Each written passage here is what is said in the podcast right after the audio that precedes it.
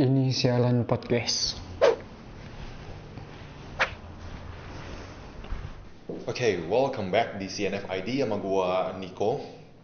Eh, kali ini di video kali ini gua nggak bakal ngebahas produk, gua nggak bakal nge-review dan gua bakal jauh-jauh dari teknologi.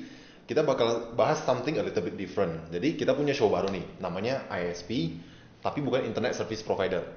ISP ini kepanjangannya yaitu ini siaran podcast. Oke. Jadi in short ya ini podcast gitu loh. Dan di podcast ini kita bakal ngebongkar rahasia-rahasia dari uh, nanti kita bakal ngundang tamu-tamu dari luaran yang pastinya jauh dari teknologi dan kita bakal ngebongkar rahasia mereka yang jarang diketahui orang awam orang biasa gitu. Dan hari ini kita udah kedatangan korban pertama ini temen gue dari SML1 bro Mesh. Gimana, Halo, bro? halo, halo, halo, halo. Jadi- Terima kasih sudah mengundang menjadi korban pertama Ya, ya. gimana rasanya bro kira-kira? Ini Nyaman, nyaman, sangat nyaman sangat ya. sangat luar biasa Ya di mungkin sini. korban paling nyaman ya gitu. Oke, mungkin bakal teman-teman mungkin ada yang belum kenal, mungkin kita kenalin dulu ini Bro Mashuri dari SML1. Mungkin bisa dikasih sedikit insight ya bro sama background lo gimana? Boleh, boleh.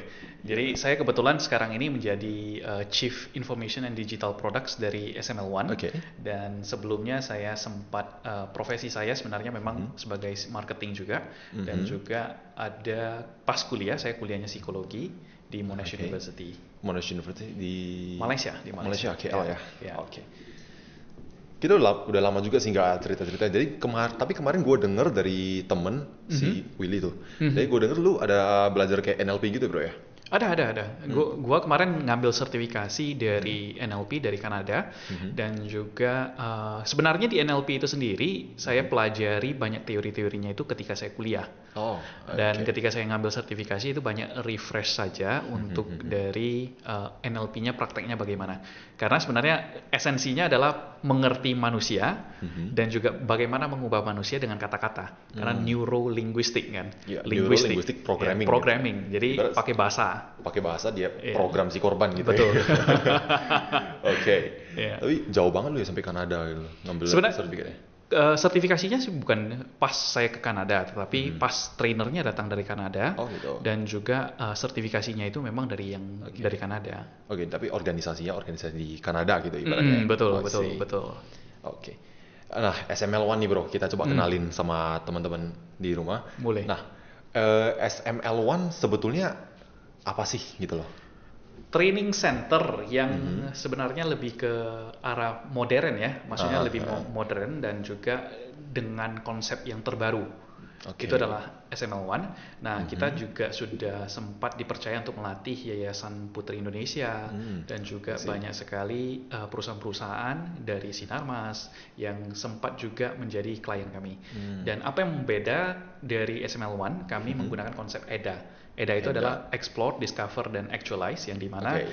setiap trainee yang datang mereka Mhm. akan mengeksplorasi sendiri bagaimana mengaplikasikannya dan Oke. juga kita mereka akan menemukan discover ya mereka Mhm. akan menemukan caranya dan juga kita akan mempraktekkannya langsung di dalam program kita Oke, berarti ya jauh dari mungkin pendidikan zaman zaman kemarin lah ya kita bilang eh, di mana kita lebih banyak kayaknya seperti gitu ya. zaman kita dulu lah ya waktu Zaman sekolah kita dulu ya, bener zaman- bener kita duduk doang dengerin Ya. gurunya ngomong gitu ya, Ya, jadi Berarti- kita berusaha untuk memberikan sesuatu yang apa yang kita tidak suka dulu, kita Mhm, berusaha mhm. mengubahnya di SML1. I see Ya, jadi lebih ke sana. Oke. Sedikit mungkin tentang historinya SML1 bro, lu gimana sih? Lu dari awalnya bisa kepikiran gitu mau bangun training center gitu. Soalnya lu dulu kan Oke. sales kan? Iya, iya, iya. Ya. Sebenarnya karena passion ya, karena dulu Passion. eh, passion karena dulu ketika saya kuliah sekolah sebenarnya, Mhm. saya sempat merasa teman-teman yang bisa tampil di depan itu keren Mhm. sekali. Oh, I see. Dan saya merasa mereka itu punya peluang yang sangat banyak. Contoh Mhm. temannya jadi, banyak, Aha. eh, dari segi informasi-informasi jadi lebih banyak, Mhm. dan itu adalah hal yang sebenarnya membuat saya jealous pada saat itu.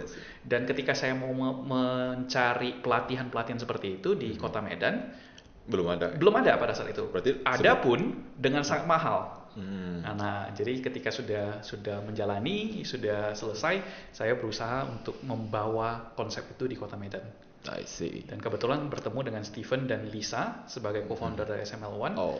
dan kami memiliki visi yang sama dan ketemunya juga sangat lucu. Kita Iya. ketemunya di salah satu organisasi sebenarnya. Mhm. Setelah berjumpa, Steven itu adalah dokter, dokter anak, spesialis anak. Oke. Lisa ini adalah MC profesional Ah. dan kita bertemu di organisasi tersebut dan setelah itu ternyata ada konsep eh kita punya visi yang sama. Jadi Mhm, kita mhm, berjumpa, kita kreasikan yang di kita channel semua kreasi kita di dalam Mhm. SML One. I see. Mhm. Wait, Stephen, Masyur, lu Masyuri, dan Lisa. Berarti Yes. namanya ini SML dari nama foundernya ya, SML ya? Sebenarnya kalau dibilang ya pasti memang kita ber- beranjak dari sana. Mhm. SML-nya itu berarti Stephen Mesh Lisa. Ya. Tetapi eh, yang utama adalah kita merasa bahwasanya di SML One ini kita mau mengusung konsep seseorang pasti harus memiliki keahlian. Mhm. Keahlian saja itu tidak cukup, harus Oke. dibarengi dengan karakter yang baik, yaitu manners. Manners, Ya, oke. manners. Dan dengan adanya dua kombinasi ini, baru mereka bisa mendapatkan hidup yang lebih baik. Dan hidup itulah yang salah satu yang uh, sasaran utama kita. Jadi individu yang kita kembangkan menjadi individu yang lebih baik. Hmm. That's why makanya di SML One tagline-nya adalah making you better you. I see. Ah. Berarti skills tadi manners dan Life, ya. I see, benar. Ya. Oke. Terus gini, gue banyak denger di luaran nih, lu kayak, Hmm. eh, lu kalau untuk SML One kayak lebih condong ke public speaking ya bro ya?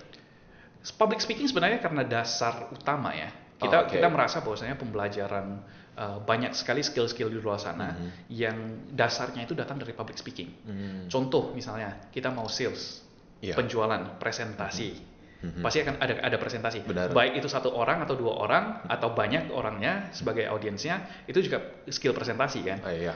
Berbicara dengan orang lain itu juga skill komunikasi yang Oke. di- kita pelajari bersama di public speaking. speaking, oke. Ya, dan di SML One kita bukan hanya khusus untuk uh, belajar tentang public speakingnya, tetapi prakteknya di lapangan seperti penjualan, seperti misalnya pitching ideas. Sekarang yang paling banyak adalah startup bisnis. Mhm, benar, startup bisnis ini sendiri, mereka founder-foundernya harus presentasi di depan investor supaya bisa secure Iya, investor kan get it. investasi. Atau mereka harus bisa menarik minat dari calon pengguna aplikasinya mungkin. Mhm. Nah, mereka harus presentasi. Semuanya public speaking gitu Semuanya ya? public speaking. Jadi dasarnya itu memang kita beranjak dari public speaking, tetapi Hmm. banyak aplikasinya. Oke. Tapi public speaking mungkin mm, mungkin di luaran ya, mungkin masih banyak stigmanya orang public speaking lu kayak MC doang atau motivator doang gitu. Hmm.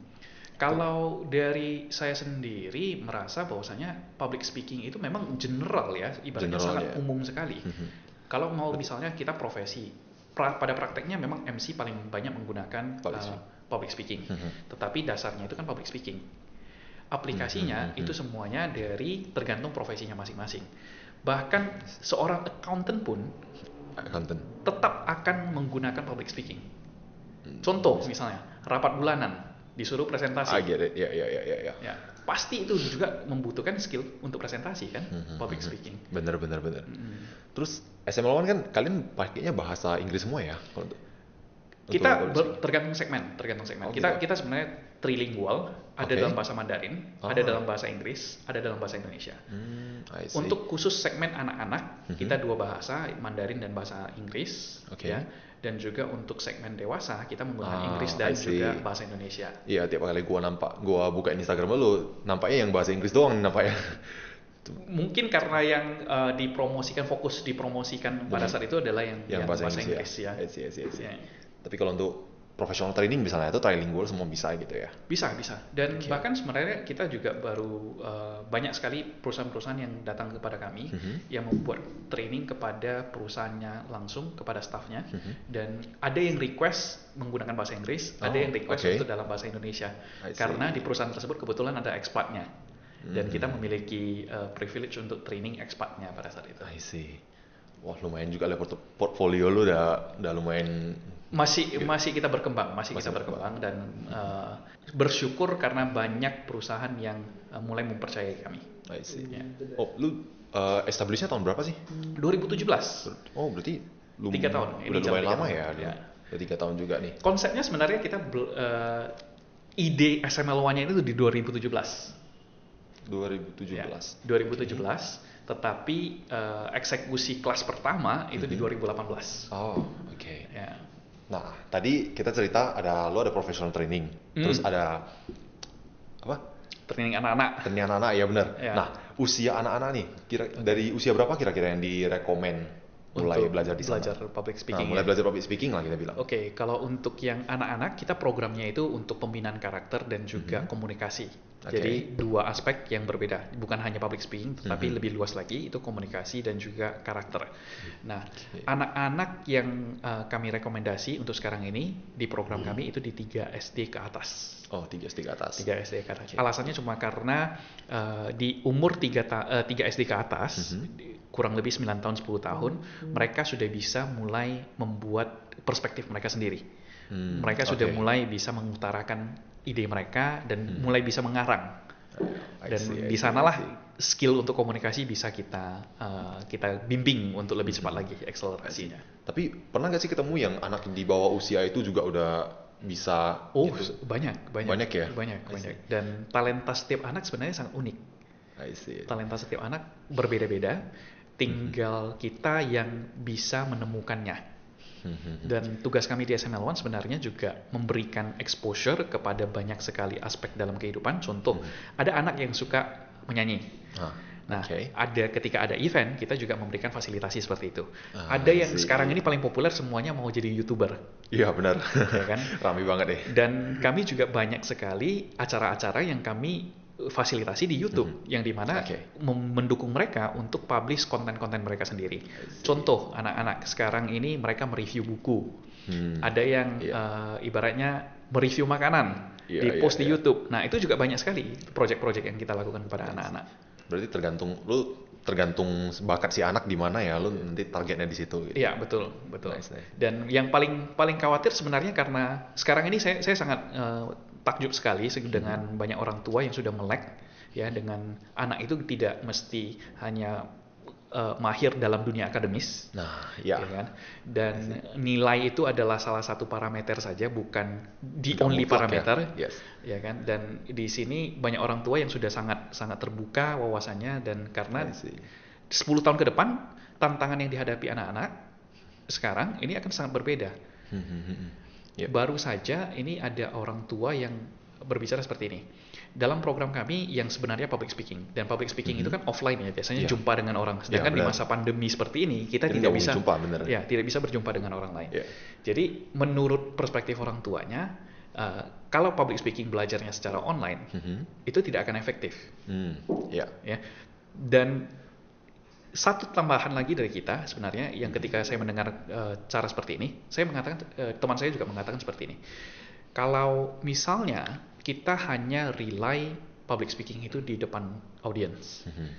ya kan? 10 50 tahun eh, 10 20 tahun ke depan mungkin saja audiensnya itu sudah bisa di augmented reality Iya, I see, ya I kan? see, I see. Mungkin saja tantangannya itu di dalam dunia kerja mereka juga harus dipaksa setiap harinya meeting secara online. I see. Jika mereka sudah bisa melakukan presentasi secara bagus di online, Mhm. bukankah itu mem- juga mempersiapkan mereka untuk lebih siap Iya. lagi di masa yang akan datang? Hmm, hmm, hmm. Jadi Benar itu sih. adalah salah satu per- pertimbangan kita. Ibarat sekarang orang udah uh, apalagi di kondisi corona sekarang ini banyak orang dari ngomong face to face jadi ngomong ke kamera jadi ya. Betul, Itu betul, yang perlu betul, dipersiapkan. ya. betul. Memang tantangannya sangat berbeda, berbeda memang. sih. berbeda. Jumpa dengan manusia ya pasti lebih Iya. lebih nyaman ya. Benar, benar. Lebih nyaman. Gimana tanggapan lu soal anak yang misalnya kalau orang bilang nih, uh, lu bisa ngomong di publik itu, confidence lu itu itu talent gitu loh. Oke, itu itu bukan seperti itu. Dulu seperti yang saya ceritakan tadi, Iya. Mhm. saya ketika melihat teman saya yang jago public speaking di depan, jago untuk berbicara di depan, Mhm. saya merasa jealous, Oke. ya kan? Nah, memang ada faktor talenta di sana. Mhm. Tetapi ini adalah keahlian. Seperti contoh misalnya kita bisa mengemudi, itu keahlian. Benar. Bersepeda keahlian. Mhm. Berenang juga sebuah Keahlian. keahlian. Sama public speaking juga keahlian. Yang penting Oke. diasah. I see. Ya setidaknya ketika memang orang yang bertalenta pasti akan mulainya itu dengan lebih cepat. Iya. Yang misalnya talentanya nggak di sana mungkin akan lebih eh, mem- memakan waktu yang lebih panjang untuk mencapai ke sana. Mhm. Tetapi at the end of the day, it's a skill that you can hone. I see. Hmm. Berarti introvert versus extrovert ini di, uh, gak perlu diperdebat, gak perlu diperdebatkan ya ya. Sebenarnya banyak yang mengatakan bahwasanya oh orang ekstrovert ini paling Nah, paling jago ngomong jago gitu. ngomong. Heeh. Observasi saya malah terbalik. biasanya orang-orang yang ekstrovert memang sangat nyaman dan sangat intuitif dalam arti kata, oh ini respon dari lawan, saya bisa meresponnya kembali dengan cara yang lebih menarik. Oke. Orang ekstrovert memang sangat jago di sana. Oke. Oke, tetapi kalau misalnya kita mau meminta konten-konten yang sangat mendalam, contoh pengetahuan atau pertimbangan atau misalnya se- sebuah kebijaksanaan Mhm. atau eh, ibaratnya kontennya ini sangat mengena deh, yang bisa bisa buat kita baper. Uh-huh. Biasanya yang datang ini dari orang-orang yang introvert, cenderung introvert. Hmm, I see. Kenapa? Karena mereka sangat pola pikir mereka ini sangat eh, intimate sekali, maksudnya sangat eh, introspektif, sem- eh, eh, introspektif, Introspektif, ya. introspektif yang sangat menarik untuk didengarkan. Jadi Hmm. malahan orang ekstrovert dan introvert saya lebih cenderung kalau pembicaranya introvert pasti saya akan menunggu-nunggu satu value dari dia. I see. Berarti ibaratnya introvert, lu saring dulu bener-bener yang mau lu lontarin ya. Ya. Sedangkan ekstrovert kebalikannya, lu Kebalikan. lontarin dulu Betul. baru pikir gitu. Betul, betul. Iya, iya. Betul Dan sekali. Di SML1 banyak, lebih banyak yang mana tuh kira-kira? Yang introvert, extrovert ini? Kita memang kita ada pretest. Kalau Aha. untuk yang anak-anak yang datang ke, ke tempat kami kita ada Oke. pretest, tetapi pretest tersebut anak-anak ini personalitinya masih berkembang. Hmm. Jadi masih belum bisa kita Masih- tentukan apakah dia extrovert and introvert karena banyak faktor. Dan kita memang ada ada parameter sebenarnya sampai sekarang mix sih. mix ya? Mix. Hmm. Mix. Lu udah sering nih kan public speaking lah segala macam dan lu juga sebagai trainer ya lu di SML1. Ya, trainer. Kalau ngomong di ngomong di pub- public gitu masih bisa grogi nggak itu? Grogi pasti bisa. Pasti bisa. Pasti bisa. Kenapa? Karena sebenarnya percaya diri itu bukan bukan berarti tidak pernah grogi. Oke. Percaya diri itu eh, saya kasih gambarannya seperti ini. Kalau misalnya kita dihadapkan, saya sudah terbiasa nih bawakan training. Mhm. Tetapi ketika saya harus misalnya training saya ini dihadiri oleh semua direktur atau kepala negara Orang dari penting ya. satu negara dari dari banyak negara, Oke. maka saya pasti akan merasa bahwa saya oh Nervous ya gitu ya? nervous juga karena Oke. stake-nya itu tinggi, taruhannya itu besar. Jadi selama kalau misalnya kita merasa bahwa taruhannya itu besar dan kita grogi, itu hal yang bagus, positif. Karena Oh, kita peduli hasilnya bagaimana. I see. Jadi jangan takut kalau misalnya, oh kenapa saya masih bisa grogi ya setelah belajar public speaking ya. Ternyata Hmm. public speaking itu tergantung daripada stake kamu, taruhannya kamu. Oke, last question nih. Nah, kalau misalnya gua di IT nih ya, kan Ah. misalnya ada produk kayak Mikrotik atau Cisco. Hmm. Mungkin lu belum pernah dengar tapi ada produk eh, router gitu Mhm. dan router ini dia punya software. Hmm. Dan misalnya ada satu corporate nih, lu mau implementasiin sistem ini di Hmm. company lu misalnya ya. Mhm. Dan lu perlu lu perlu orang untuk nyeting Hmm. item produk ini. Nah, biasa corporate eh, mereka ada cari teknisi yang harus certified gitu loh. Nah, di public speaking gimana tuh? Program sertifikasi sebenarnya bagus karena eh, itu adalah satu standar eh, mutu ya, Hmm. Iya. jaminan mutu. Tapi sebenarnya banyak juga kejadiannya adalah orang yang sudah tersertifikasi, Mhm.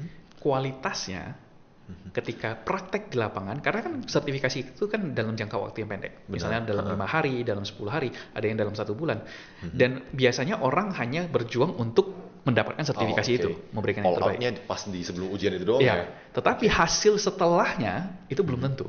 Hmm. Banyak juga pembicara yang sebenarnya tanpa sertifikasi pun kualitasnya itu sangat luar biasa.